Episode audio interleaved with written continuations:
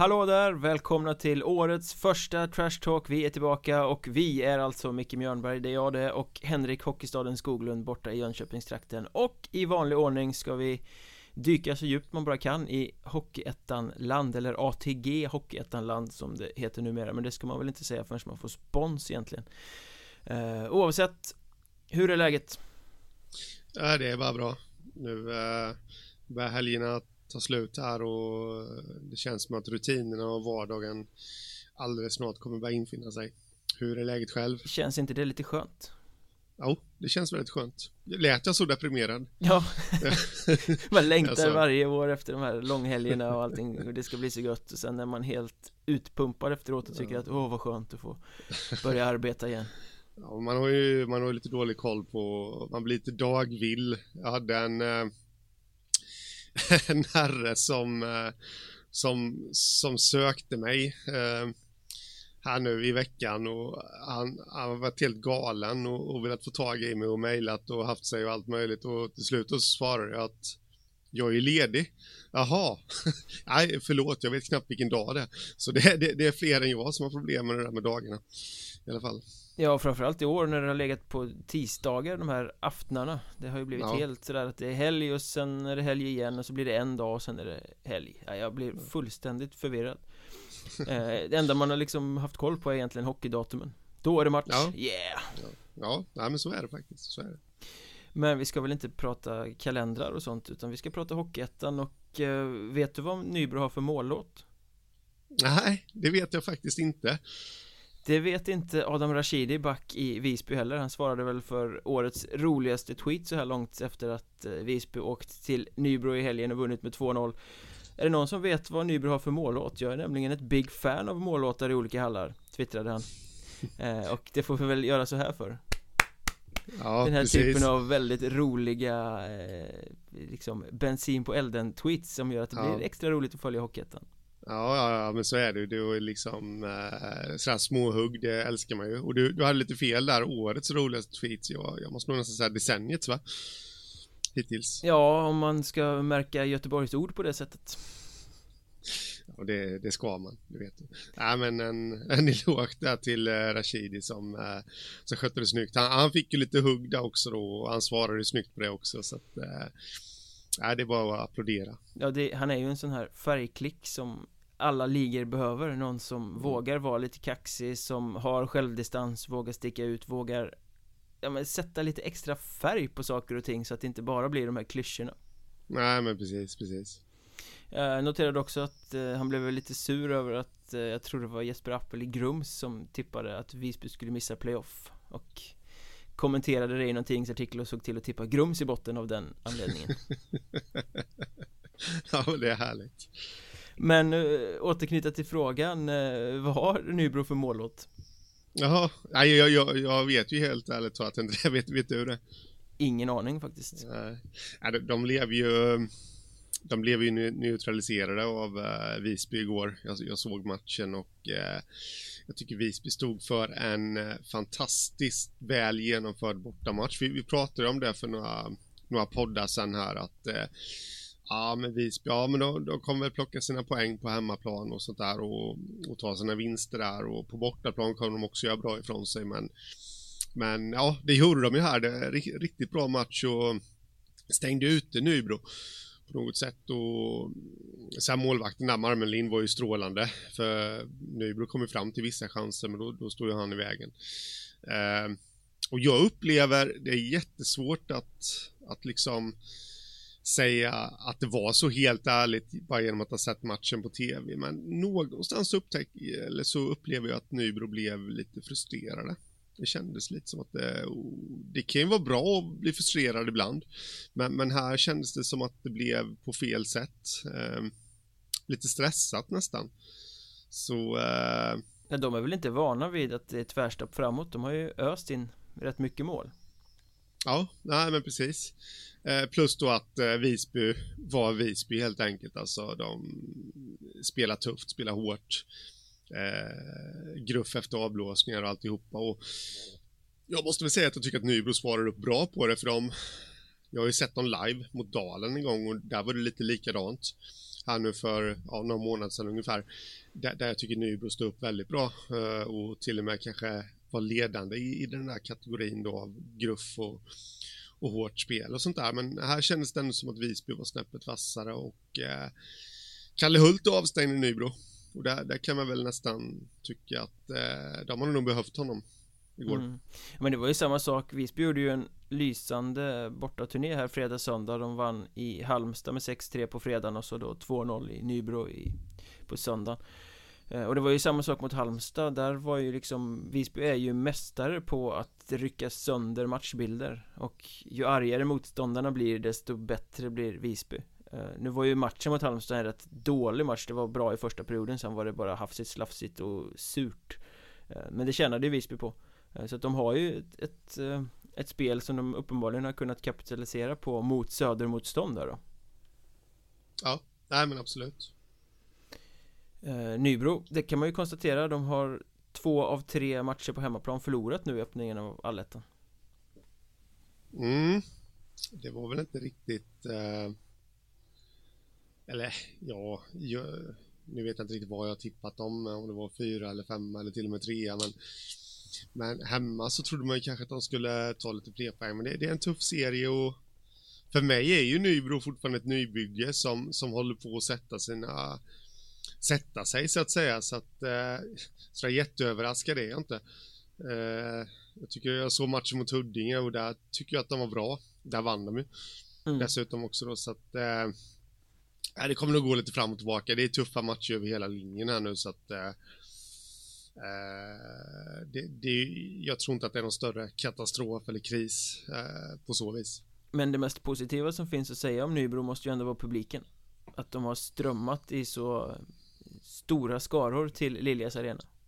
Ja, ja, ja, absolut. Absolut, det måste man säga.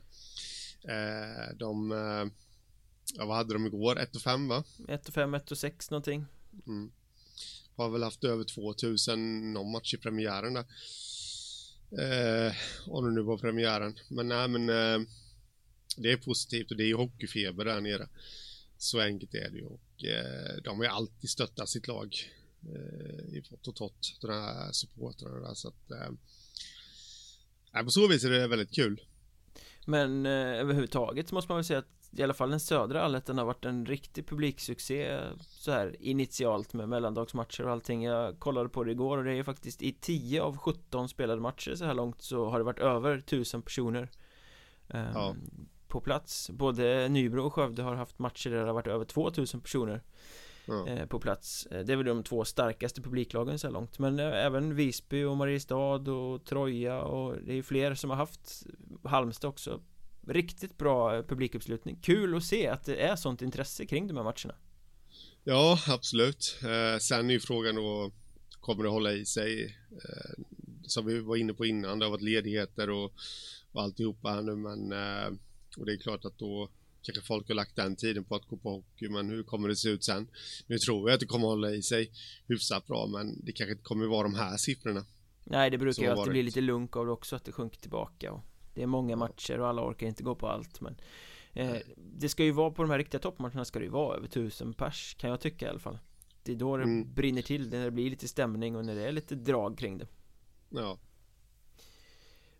Men eh, jag vet att du har en liten betraktelse som vi ska lyfta så här initialt i den här podden också. Du är ju en sån här statistiknörd och du har grävt lite i tekningar, är det inte så?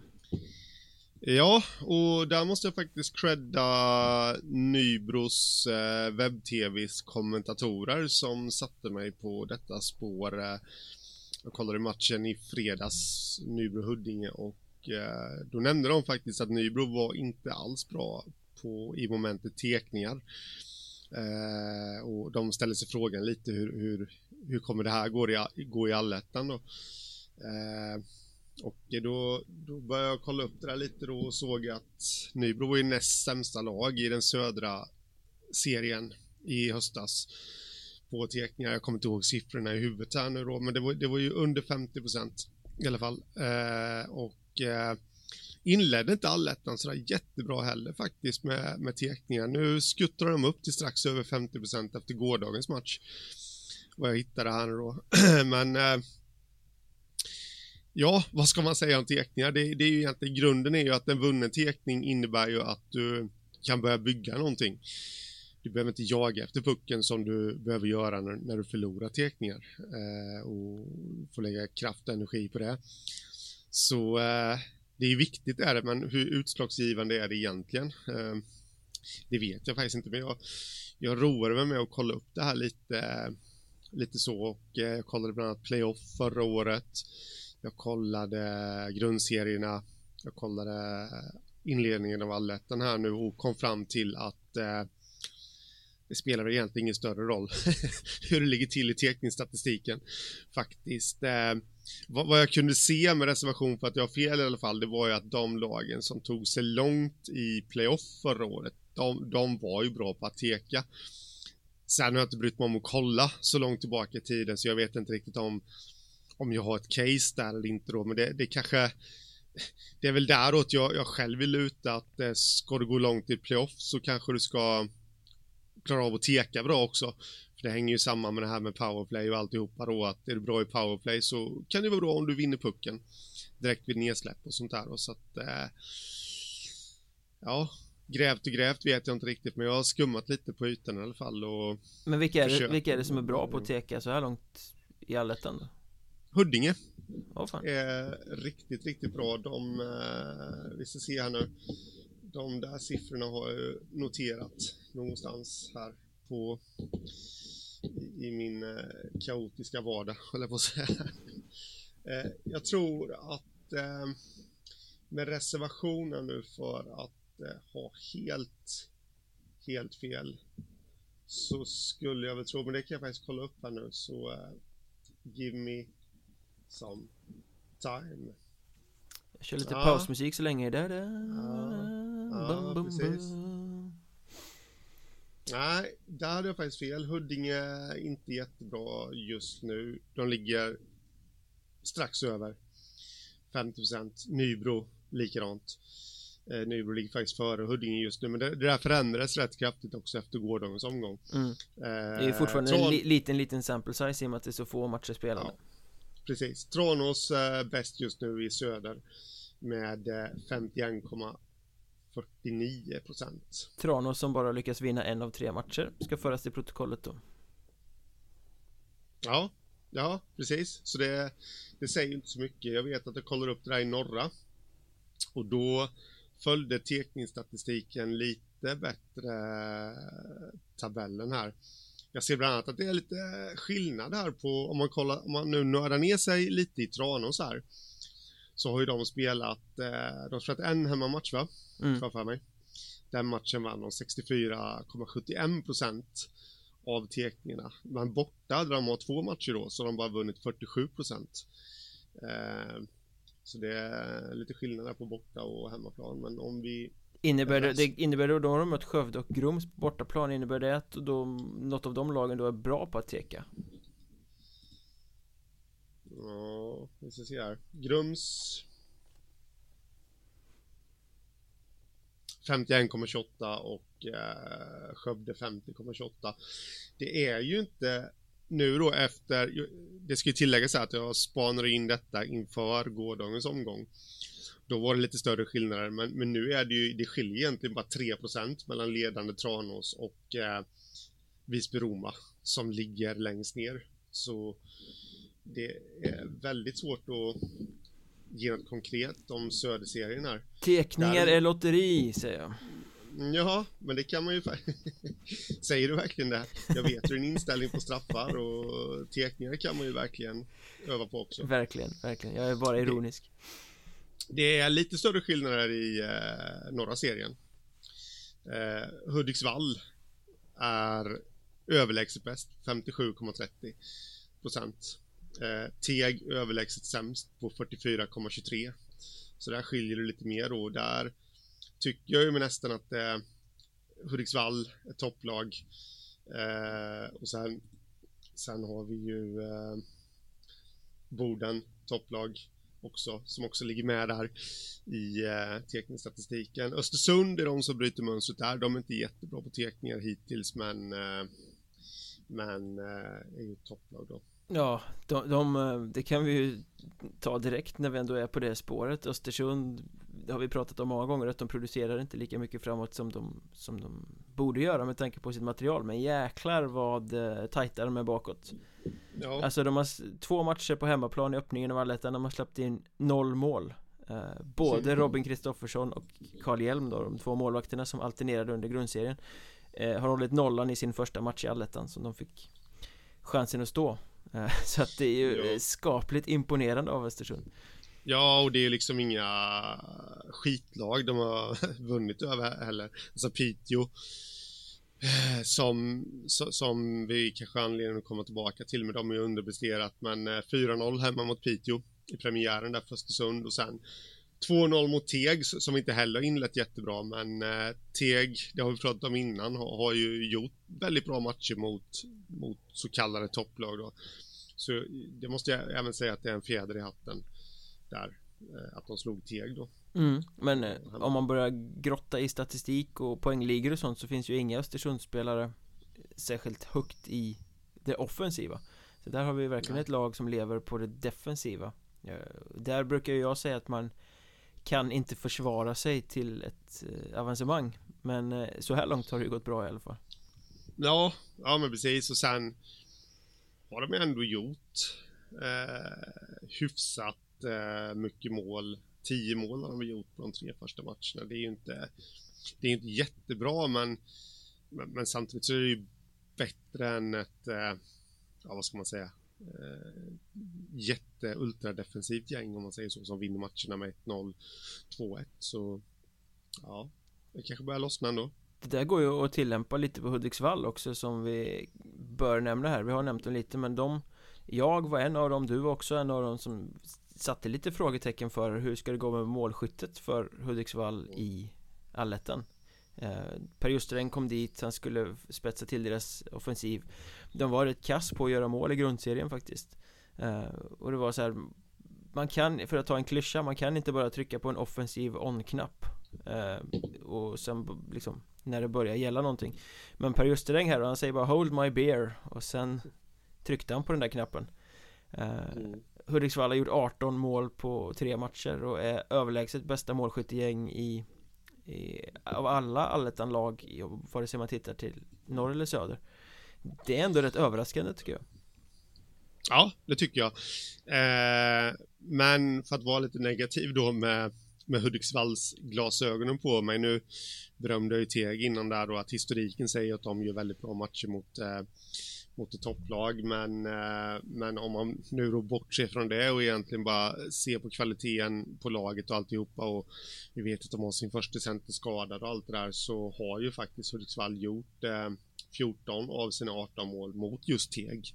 De möttes ju i ett eh, back to back ett dubbelmöte. Mm. Mm, Sen blev det tre emot eh, Piteå hemma, vilket är bra. Fyra? Nog, ja, tre. Fjärde kom i öppen kassa. Okay. Mm.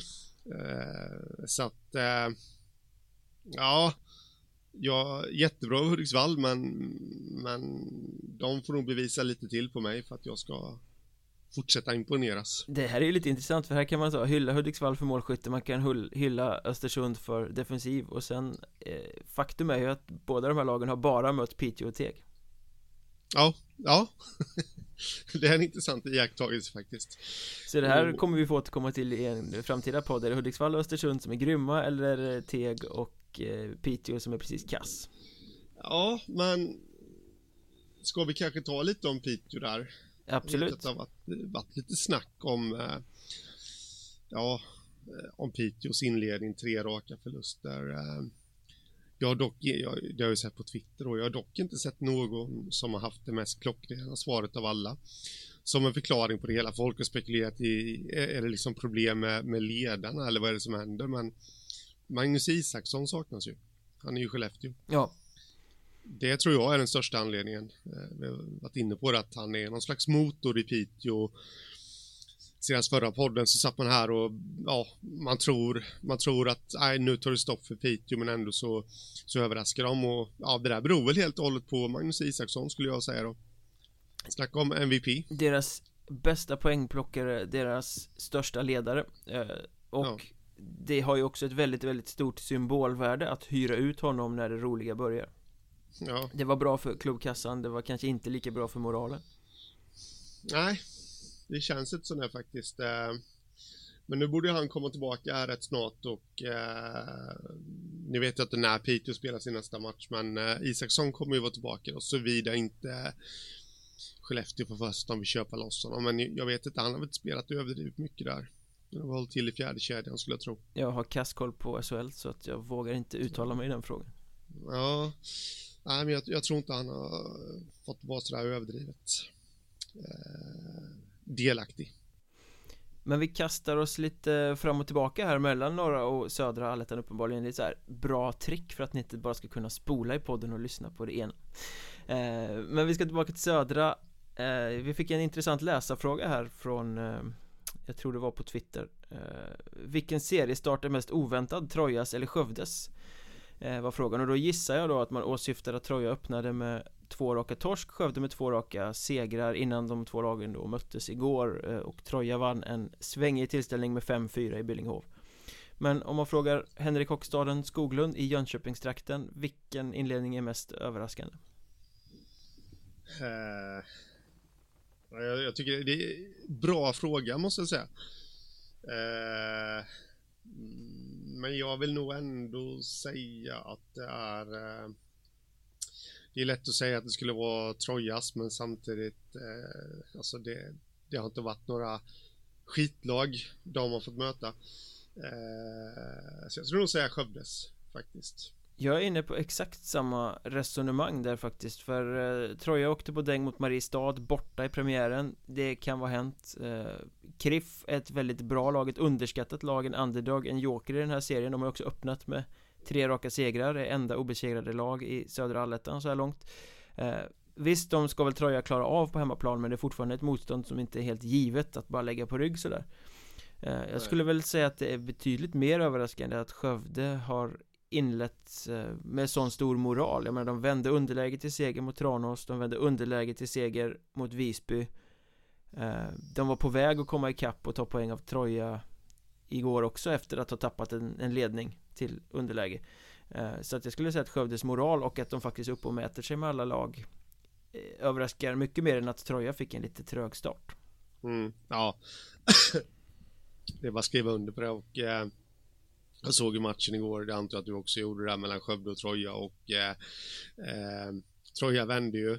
Lund med 3-1, vände till 4-3 men som du säger, där Skövde kom tillbaka och kvitterade med någon minut kvar bara, kanske två, eh, till 4-4 och eh, när man satt och väntade på sadden så, så avgjorde Troja.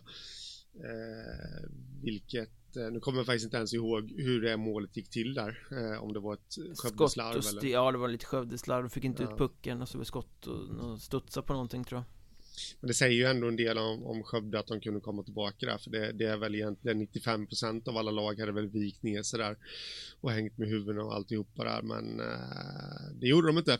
Eh, alltså när, när de tappade sin 1-3-ledning då.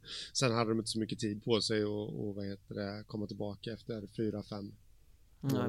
Inledningen av allettan överhuvudtaget så får man väl säga att av de här tre lagen som alla har tippat i botten Det vill säga Grums, Skövde och Halmstad så känns det som att det är Skövde som har bitit ifrån bäst i inledningen av allettan Och visat att det finns mer än bara det här eh, bottenlagsgrejen där. De har en, en sylvass offensiv och kan hugga när lägena uppenbarar sig. Sen bjuder de på alldeles för mycket defensivt för att kunna vara ett lag på den övre halvan så som det sett ut så här långt. Men eh, Ja men det är lite överraskande att de har varit så pass vassa och, och bra som de ändå har varit. Sen vill jag föra till protokollet också när vi ändå har det uppe att Troja torskade mot Mariestad, de torskade mot Kriff, de var illa ute mot Skövde.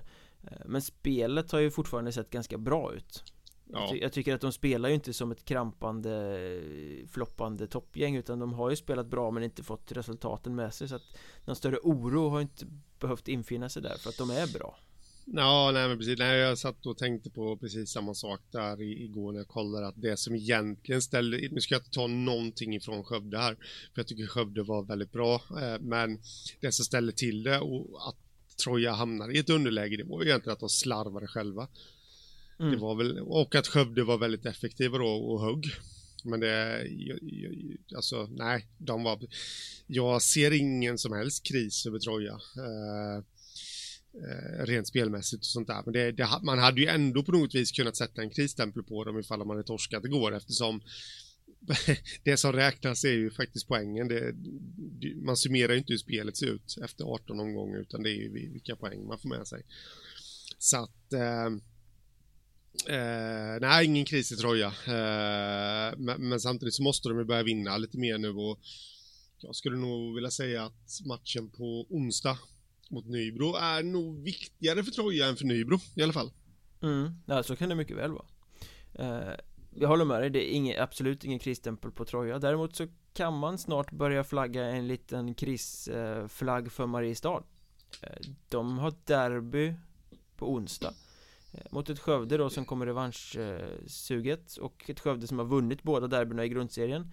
Jobbigt läge för Mariestad eftersom de har två raka torsk, släppt in nio kassar de går inte att känna igen mot vad de borde vara Nej uh...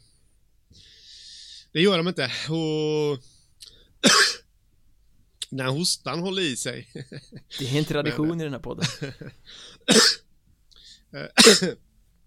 Eh, just det här med Mariestad så äh, var man ju lite inne på vad står de egentligen? De krossade västra serien och inledde ju starkt genom att slå Troja. Eh, men som du säger, att två raka torsk och nu tror inte jag att det beror så himla mycket på Mariestads kvalitet. Jag tror fortfarande att de är ett lag för för ett absoluta toppstriden i allettan utan jag får ju för mig lite att det beror på den här tacklingen som delades ut i matchen mot Troja Törnqvist. Det var Filip Törnqvist tacklade Karl Ernstig i huvudet ja. ja. Eh, fick sju matchers avstängning. Mm, och eh, han är ju rätt viktig för Mariestad. Varit borta nu och, eh, och kanske vill jag säga att det beror lite på det där. Att inte han finns med. Nu, en spelare är inget lag, jag vet, men, men, men, vissa spelare är viktigare än andra. Och han är en sån som behövs tror jag. Han är ju, de har ju många trotjänare förvisso, men han är ju den största trotjänaren och kulturbäraren av dem alla, så det är klart att mm. Även om han kanske har pikat som hockeyspelare och inte spelar sin allra bästa hockey längre så är ju hans närvaro i omklädningsrum och på isen och i allt som tar sig för där är ju oerhört viktigt för Mariestad mm. Ehm, så att det är klart att det påverkar men eh, samtidigt så de försvarsspelet har ju fallerat både mot Huddinge och nu mot eh, Kriff igår då mm. En av ettans bästa målvakter Tobias Sandberg, när släppte han i nio mål på två matcher senast? Ja det var, det var nog på hedenlöst men vad tycker du om straffet då på Törnqvist? Sju matcher fick han för den här eh, huvudsmällen på Ernstig då eh, Är det rimligt? Är det för hårt? Är det för mjukt? Eh, jag har sett situationen och i gammal vanlig hedlig ordning så har jag jävligt svårt att bedöma sådana här situationer faktiskt. Jag, jag, tycker ju så som det ser ut på bilden att han kommer med en eh, jättesatsning på en stig där och den, den ser ju ful ut. Eh, men, men det är ju som i alla de här lägena att, eh, att eh, man måste nästan se det från olika vinklar för att kunna bedöma och folk, jag har ju läst att folk har lite olika åsikter om den här tacklingen och alltihopa. No shit, beror på om man håller på Troja eller Mariestad tror jag. Ja, men så är det ju. Eh, sju matcher. Kan jag, detta nu då med reservation för att eh, jag inte vet hur tacklingen har tagit, men har nu de som beslutar detta sett att tacklingen tar i huvudet och alltihopa så då tycker jag att sju matcher är rätt just med att det ser ut som att han satsar väldigt hårt i tacklingen där. Men Eh, om man nu ser till andra fall också, liksom hur det, det, det känns lite som ett lotteri det där. Eh. Det hade lika gärna bara kunnat bli tre matcher, den här avstängningen. Eh, känner jag. Det, det, det, känns inte som att det finns någon röd tråd riktigt. Hade det varit förra säsongen så hade det säkert inte blivit mer än tre matcher. Det är jag helt övertygad om. Eh, min syn på hela den där smällen Jag tycker han gör en satsning Man ser att han kommer helt jävla galet Det var inte tänkt sådär Han kommer galet Jag tycker det ser ut som den tar i huvudet Jag tycker att det är inget som helst snack om att han skulle ha matchstraff, vilket han fick. Det är inget som helst snack om att han ska stängas av, vilket han gör. Eh, det tror jag att han håller med om själv också. Däremot tycker jag att sju matcher, om, om jag tittar på tacklingen och liksom försöker sätta någon sorts perspektiv på det så tycker jag att sju matcher Ja men det är alldeles för mycket, det är överdrivet. Eh, men samtidigt om man tittar på hur det har sett ut i år Hur disciplinnämnden eller disciplinkommittén som det heter i ettan har betraktat den här typen av fall tidigare under eh, säsongen så är det inga konstigheter. De verkar ha bestämt sig för att vi ska ta i tills vi skiter på oss. Vi ska liksom sätta höga straff så att vi nästan spricker. Eh, Och det har varit konsekvent. Jag menar Marcus Pajen Persson fick sex matcher tror jag för en liten halvoskyldig armbåge i en eftersläng när de höll på att bråka i matchen mot Nyköping. Det har varit flera stycken väldigt hårda avstängningar för saker som inte alls har gett lika mycket matcher tidigare säsonger. Så att sätter man de här sju matcherna i perspektiv till andra domar under säsongen Då är det ju helt rätt för att då följer de ju bara Alltså Det som de verkar ha satt upp som de givetvis inte har kommunicerat för information och öppenhet ju, existerar ju inte i förbundets eh, värld kring sånt här. Uh, hade man varit tydlig med det hade det kanske inte varit så stora protester. Så att uh, jag tycker det är, jag tycker hela deras approach till avstängningar i år är alldeles för aggressiv. Uh, Men jag kan inte säga att sju matcher är fel i förhållande till vad andra har fått. Så att där finns det kanske Även om det är från säsong till säsong så finns det väl kanske lite röd tråd i det, jag vet inte. Mm. Men det är trist ja. att han inte ska vara på isen, det, det, får man ju säga. Och det påverkar ju garanterat Mariestad. Ja, absolut. Men nu testas ju frälsaren. Jag menar i Mariestad har de ju Supportrarna har ju precis som eh, man satt upp nakenbilder på sitt pojkrum Satt upp eh, affischer på Andreas Appelgren överför sängen och ligger där och onanerar på kvällarna över hur glada de är att han har kommit tillbaka. Han är frälsaren som ska ta Mariestad till toppen. Eh, han har liksom cruisat genom grundserien. Nu testas frälsaren. Nu, nu är det mot, motlut. Det är nu vi får se hur, hur hur bra han verkligen är. Vi vet ju att det är en väldigt, väldigt bra tränare Men det är nu han ska leva upp till den hypen. Vända det här mm. Mm. Det känns ju definitivt som att äh, matchen på onsdag mellan Mariestad och Skövde kommer i lite fel tid för Mariestad men i lite rätt tid för Skövde om man nu ska vara lite sån äh, för nu är ju all press på Mariestad och, och Appelgren där äh, och det har börjat knorras lite och, och allt sånt där så att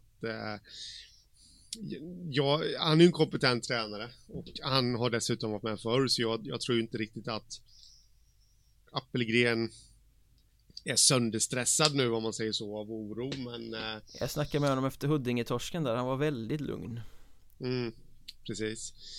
Så det är Jag tror väl inte att det är några större bekymmer eh, I hans eh, mående just nu.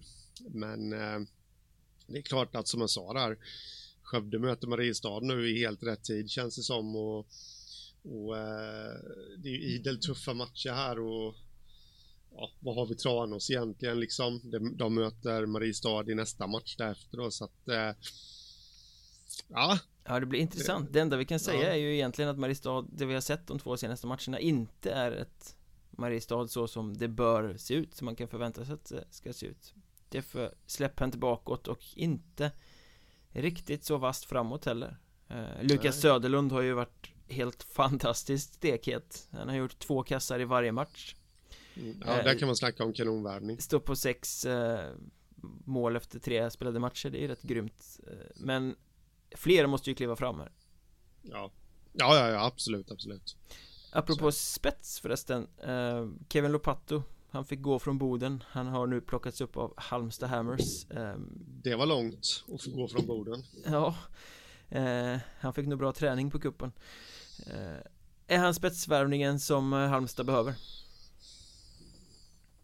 Ja alltså Halmstad har gjort det väldigt bra ändå eh, utan att ha någon spets som helst att prata om i laget i stort sett Men eh, jag kan inte riktigt svara på frågan, men därmed, alltså, jag, jag, tror inte att den är helt fel heller. Det är, liksom, det, det, är alltid bra att få in en kille som har näsa för poäng eh, och vad målet är beläget. Så sen ifall han behöver honom eller inte, det, det låter jag vara osagt. Men eh, jag tror definitivt att han ökar deras chanser till att eh, fortsätta göra bra ifrån sig. Jag är inte jätteimponerad. Han det är ju, han vet ju vart målet är beläget som man så fint brukar säga Men han har ju haft svårt mot svårare motstånd Jag menar I fjol öste han in mål för Vännäs i grundserien och sen blev det total soppatorsk i allettan Inga mål alls eh, I år har han liksom inte riktigt fått det att funka för för Boden heller Ehm, så att jag är inte helt säker på att han är den som kommer gå in och frälsa Hammers i ehm, en alletta här när det bara är bra motstånd. Däremot så ser ju marknaden ut som den gör, det finns inte så mycket eh, av klass Framförallt inte för en klubb som Hammers får tag på. Så att det här är väl Det är väl det bästa de kan få egentligen. Så ur det perspektivet är det ju en, en bra värvning. Och några poäng lär han ju göra. Han gick ju rakt in i en första kedja med Martin Perna och Sebastian Åkesson i Igår mot Huddinge. Ja, och, och sen så ska man inte underskatta symbolvärdet heller liksom att eh, alla som följer ettan vet ju vem Kevin Lopato är. Just med tanke på hans förra säsong och att Kal eh, Kalmar, och att Halmstad då lyckas knyta till sig honom. Eh, det, det, är klart det sänder lite signaler till andra spelare också liksom att aha, eh, han går dit alltså, okej okay, så ja, nej, jag tror att det kan bli positivt även för framtiden ifall de vill förstärka än mer. Apropå spets, det verkar inte riktigt vara Grums melodi så här långt i allettan heller. De har gjort de har torskat tre matcher, de har gjort ett mål framåt på de tre matcherna och det målet kom tidigt i premiärmatchen mot Huddinge Så det är en lång, lång, lång stund de är nollade nu Ja eh, Man kände ju någonstans att eh, Att de skulle få kriga i botten Var den här serien alldeles för tuff eh, men, men kanske så här dåligt trodde jag väl kanske inte riktigt att det skulle vara Frågan är ju, är det slut på det roliga eller är det här bara ett olycksfall i arbetet som de kan vända på på något sätt? Ja, det, det krävs ju att de har eh, moral nu att kunna vända det här. De, nästa match för dem blir ju Visby-Roma borta, liksom på Gotland, tuff resa och ja, jag vet inte, kanske det de behöver för att svetsa samman sig och sådär men spontant skulle jag säga nej, de kommer nog fortsätta vara i botten. De minskar antalet insläppta mål bakåt per match i alla fall så här långt 1-4 mot Huddinge i premiären 0-3 mot Halmstad i match 2 och sen 0-2 mot Tranås i match 3 mm. Så kanske framme vid 0-0 snart då Ja precis, nej men det känns ju ändå liksom som att de håller ihop defensivt men det, är det känns som att det kommer på bekostnad av offensiven där eh, man måste ju ändå, man måste ju göra lite mål. Mm. Och det här är ju ett ungt oprövat lag utan särskilt mycket spets också så det blir ju svårt att hävda sig i den här tuffa miljön. Ja, ja, ja det är ju idel bra lag. Apropå nollor då, så Claes Endre i Boden Vi var inne på Boden med tanke på Lopato där Men eh, två raka nollor höll han i mellandagarna När Boden gjorde Vad var det? 3-0 och 4-0 på Kiruna IF va? Ja, det var något sånt. Så Boden går in i det nya året eh, med två raka segrar, eh, har fortfarande inte släppt in mål i allettan. Det är ju ganska imponerande. Ändå verkar det som att eh, det knorras där uppe. Ja, vilka var det? Eh, NSD.se va? Som gick ut med uppgifter att de hade källor på att det var missnöje från spelartruppen mot eh, tränaren Lars Molin. Eh, det har man ju märkt lite under hösten att det har varit missnöje från supportrarna mot tränare Lars Molin. Eh, och, och, då... Så ingen rök utan eld som man brukar säga. Eh, ja. Ja, vi har inte fått så mycket mer eh, Vissa hävdar ju att han redan har fråntagits visst ansvar runt laget eh, och sådär Det lär väl komma mer. Boden spelar ju inte förrän som en vecka eller något sånt där igen. De har ju haft ett jättelångt uppehåll här nu mm. Eh, med tanke på att norra seriens eh, spelschema är så buckligt som det är. Eh, Men Om Lars Molin får sparken, vilket ju inte låter helt otroligt utifrån de uppgifterna som har eh, sipprat ut då till de norrländska tidningarna där uppe så Ja men då blir det ju samma visa som att det var i Östersund för några år sedan. Kommer du ihåg Östersund sökte ny tränare De hade en profil så det skulle vara ungdomligt Det skulle vara nytänkande De fick en massa nej. Det landade i Lars Molin eh, Varken mm. särskilt ungdomligt eller nytänkande. De gjorde ändå en väldigt bra grundserie Vann i stort sett allt. Sen fick han sparken en bit in i allettan. Eh, Här har vi liksom karbonpapper på det här. Boden sökte tränare. De fick nej, nej, nej det blev Lars Molin Han gjorde en resultatmässigt bra höst Och på väg att få sparken en bit in i allettan trots skapliga resultat. Ja, de, kräver lite mer upp och jag, de som står laget nära ser naturligtvis hur det, hur det ser ut och förmodligen så är det något slags missnöje med det. Jag tycker ju, jag trodde ju faktiskt mer på Boden i grundserien än, än vad som kom ut ifrån dem så att säga då. Eller jag tycker att de hade material för att kunna prestera ännu bättre. Eh, och, och starten av allettan går inte att säga så mycket om. Eh, det, där kan man knappast gnälla liksom. Eh, nu två matcher mot Kiruna IF förvisso säger vi inte så mycket men, men samtidigt så har vi inget, inget annat att väga det emot. Eh, så jag vet inte, men det är, förmodligen så stämmer väl det att det finns missnöje från spelartruppen och alltihopa och Resultat är ju inte allt. Nej, det ska ju även, man måste se saker och ting på lång sikt också. Eh, Liksom att, ja visst vi ska vara bra nu men vi ska även vara bra i mars. Så eh, Och om det ryktet då stämmer att han redan har fråntagits ansvar eller visst ansvar så Så är det ju illavarslande Ja, det som kom ut när han fick lämna Östersund var ju att spelarna kanske hade eftersökt en mer tydlighet och mer piska Det vill säga mer drivet mm. från, från tränarhåll. Och Med tanke på hur drivet det har varit från tränarhåll i Boden tidigare år så Kan man ju misstänka att det skulle kunna vara någon typ av liknande problematik här igen då. Ja. Ja men absolut. Det var Lars Molin är ju en rejäl kontrast gentemot Robert Norberg som var förra året kan man ju säga minst sagt. Så äh, det återstår att se, men samtidigt känner jag att det är lite skumt att äh, om det nu är missnöje och äh, han har fråntagits lite ansvar i det dolda. Äh, varför, varför kommunicerar man inte ut då? De har ju ändå ett uppehåll nu som skulle passa alldeles utmärkt för att göra förändringar. Vem vet, det kanske kommer. Ja. Den som lever får se. Samma sak i Tyringe för övrigt. Joakim Andersson där Ny tränare till den här säsongen skrev väl på för flera säsonger. Han har inte lett laget i de två senaste matcherna tror jag i vårserien där nere. Eh, Sjuk sägs det Tror jag. På något ja. sätt lite mystiskt sådär. Um, Jag hörde att han själv hänvisade till sportchefen när någon lokaltidning ringde upp.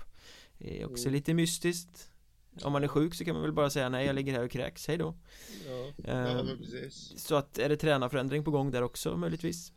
Det känns ju som det eh, Just med tanke på att eh, sjuk kan ju alla bli Så enkelt är det ju och eh, Men samtidigt så har han ju Varit sjuk, ja hur länge är det nu? Det är ett tag och eh, det är bara att hoppas att det är något allvarligt. Eh, jag hade nog köpt att han hade varit sjuk. Såvida inte det här och att han hänvisade till sportchefen där det kommit. Den, den tycker jag är riktigt skum. Då, eh, då känns det som att det är något annat.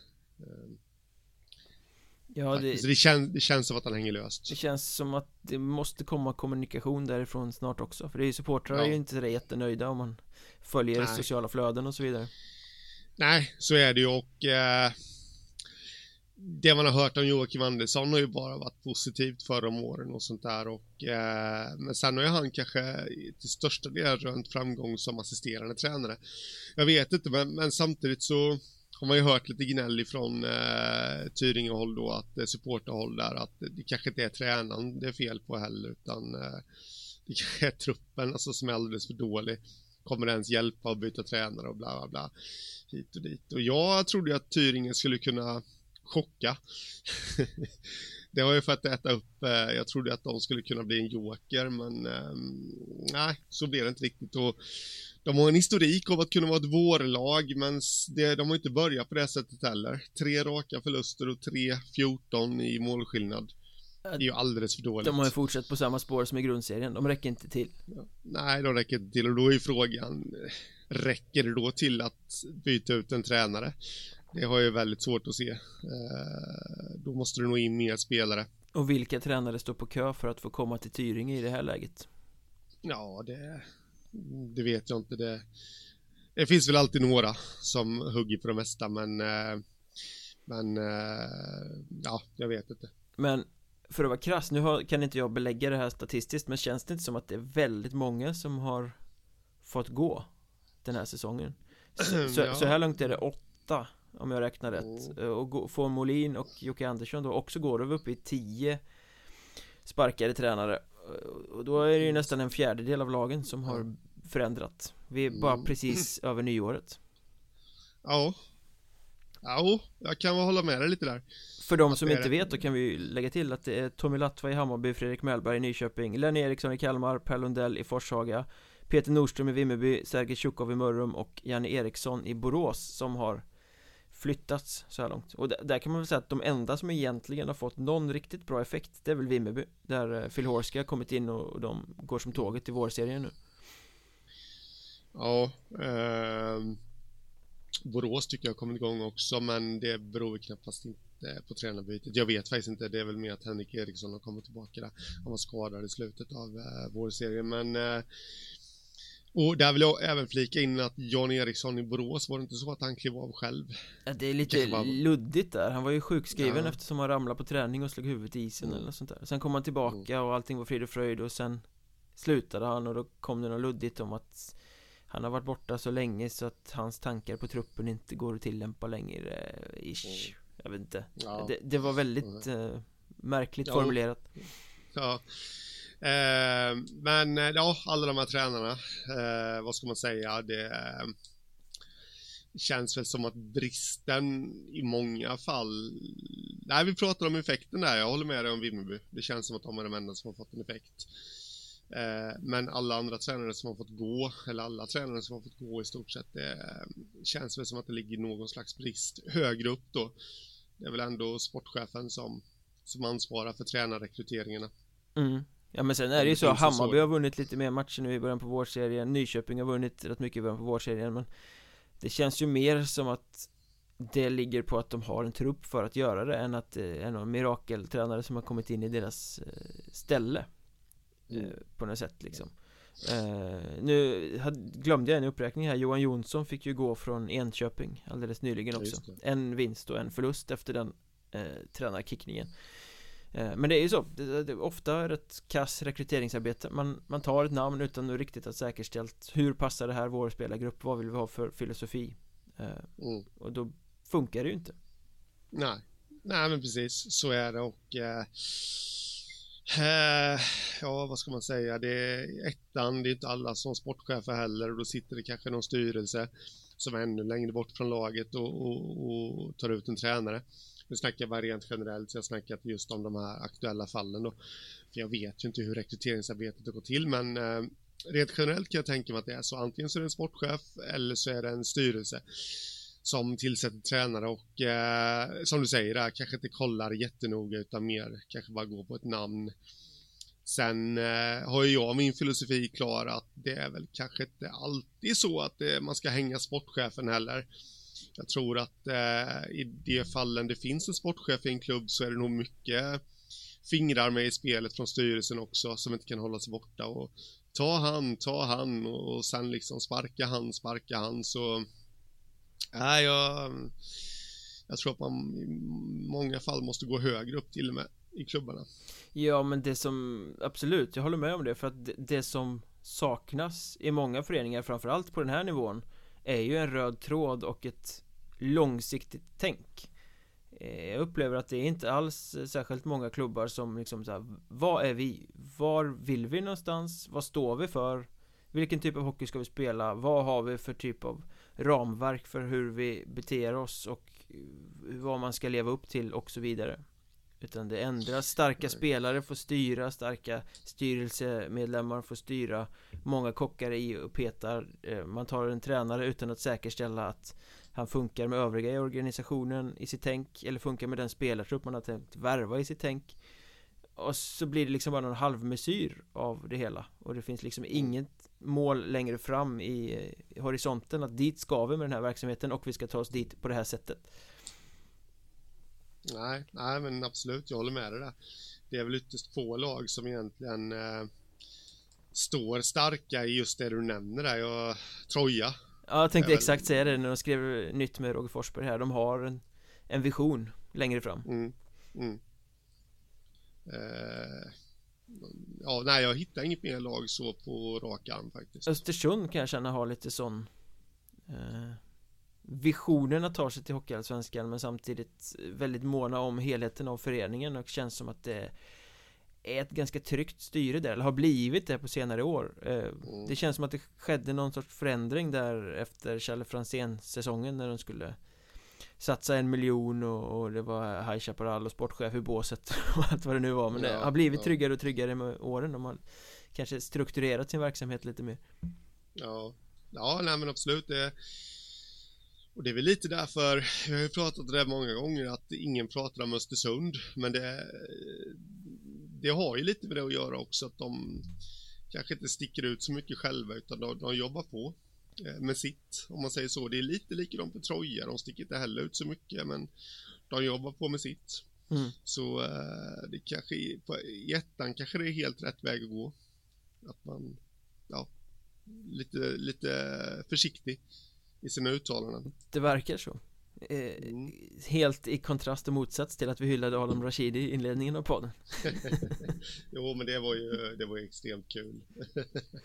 Faktiskt. Men vi, vi nämnde Nyköping här, de är ju ett av lagen som eh, har eh, förändrat på tränarsidan eh, Där var det väl tvunget att det blev så eh, De har ju fått utstå rätt mycket kritik för sin usla kommunikation under hösten det har, Spelare har lämnat, de har inte sagt ett ljud och så. Nu har jag ändå noterat att de i vårserien faktiskt har börjat i sina inför matchen eh, reportage faktiskt skriva ut varför spelare är borta. Sjuk, skadad, frånvarande Mm. Eh, Så att de har börjat öppna upp, de har börjat bli mer tydliga, de har börjat kommunicera i alla fall lite mer information. Så det verkar som att de har tagit åt sig av kritiken. Så där måste vi ju faktiskt eh, hylla Nyköping för eh, Ja, framåtskridande Absolut, absolut. Väldigt bra jobbat. Däremot kan man ju konstatera att de fortfarande inte kan slå Linden eh, Två torsk mot Linden i grundserien Blev till en tredje raka torsk mot Linden när man hade 2-0 efter två perioder på hemmaplan i Rosvalla Men Linden från Eskilstuna vände det i tredje perioden Bland annat genom två mål av Hugo och Lilla och vann med 3-2 eh, Eskilstuna måste älska att spela mot Nyköping Eh, ja, absolut. Och det är lite, det är lite, vad ska man säga, lite derby. Det är väl landskapsderby där till och med va? Ja, Sörmland. Sörmland Mm, så, och Linden då kommer nerifrån och, och sådär och det är egentligen då, nu vet jag att Södertälje ligger i Södermanland också men men om man tittar på lägre nivå så är det väl egentligen bara Nyköping det har pratats om de senaste åren här nu. Och så kommer Linden där som det kanske inte har pratats lika mycket om och det är klart att de taggar till lite extra inför de matcherna. Utan Stefan Grånsson också för jag läste att han hade Ja. tagit timeout Han klarar inte av att spela i Hockeyettan och eh, sköta sitt jobb samtidigt tror jag Nej, Kan man ju precis, förstå. Hårt slag. Ja, ja absolut men eh, hårt slag för Linden ändå. Men de är ändå med i kampen Det är ju liksom Linden och Malung just nu som jagar eh, Nyköping i kampen om playoffplatsen från västra vårserien Ja. Eh, Jag tror ändå Nyköping kommer ta hem det där.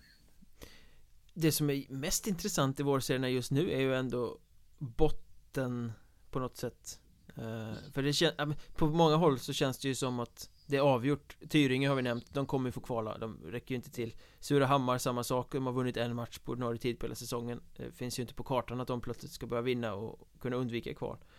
Eh, men sen är det ju rätt intrikat om den där sista kvalplatsen, jag menar kolla på söderserien, Borås och Hanhals Ligger liksom rätt tajt där runt strecket just nu Inte helt omöjligt att Mörrum eller HC Dalen också kan blandas in där Nej, men precis. Eh, det beror lite på. Det känns som att nästa omgång blir en liten vattendelare därvid när, eh, när eh, Dalen då möter Vimmerby. Där krävs det nog nästan en seger för Dalen för att, att liksom ta sig bort ifrån den där omedelbara bottenstriden och kanske börja sikta uppåt till och med.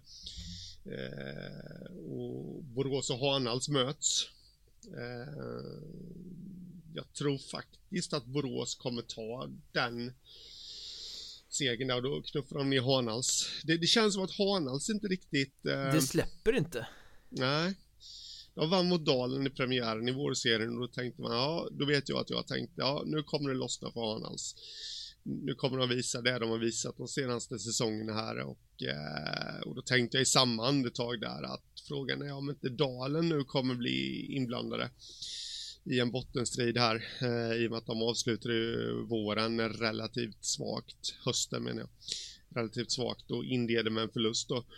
Men eh, Sen har ju Dalen tagit sig, slog både Borås hemma och Kalmar borta och medan Hanans då har två raka förluster.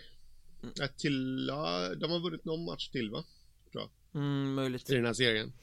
Eh, men de har ändå två förluster och eh, jag vet inte. Det känns inte riktigt som att det har lossnat för dem. Mörrum åkte ju dit eh, mot Borås igår med 7-2. Den var oväntad. Stå, ja, vad, vad, vad står Mörrum egentligen? Alltså, gick luften ur dem nu när de när de tappade allettan där eller vad, vad hände? Nej, de har ju en trupp som ska kunna vara med och slåss om playoffplatsen. Ja, absolut.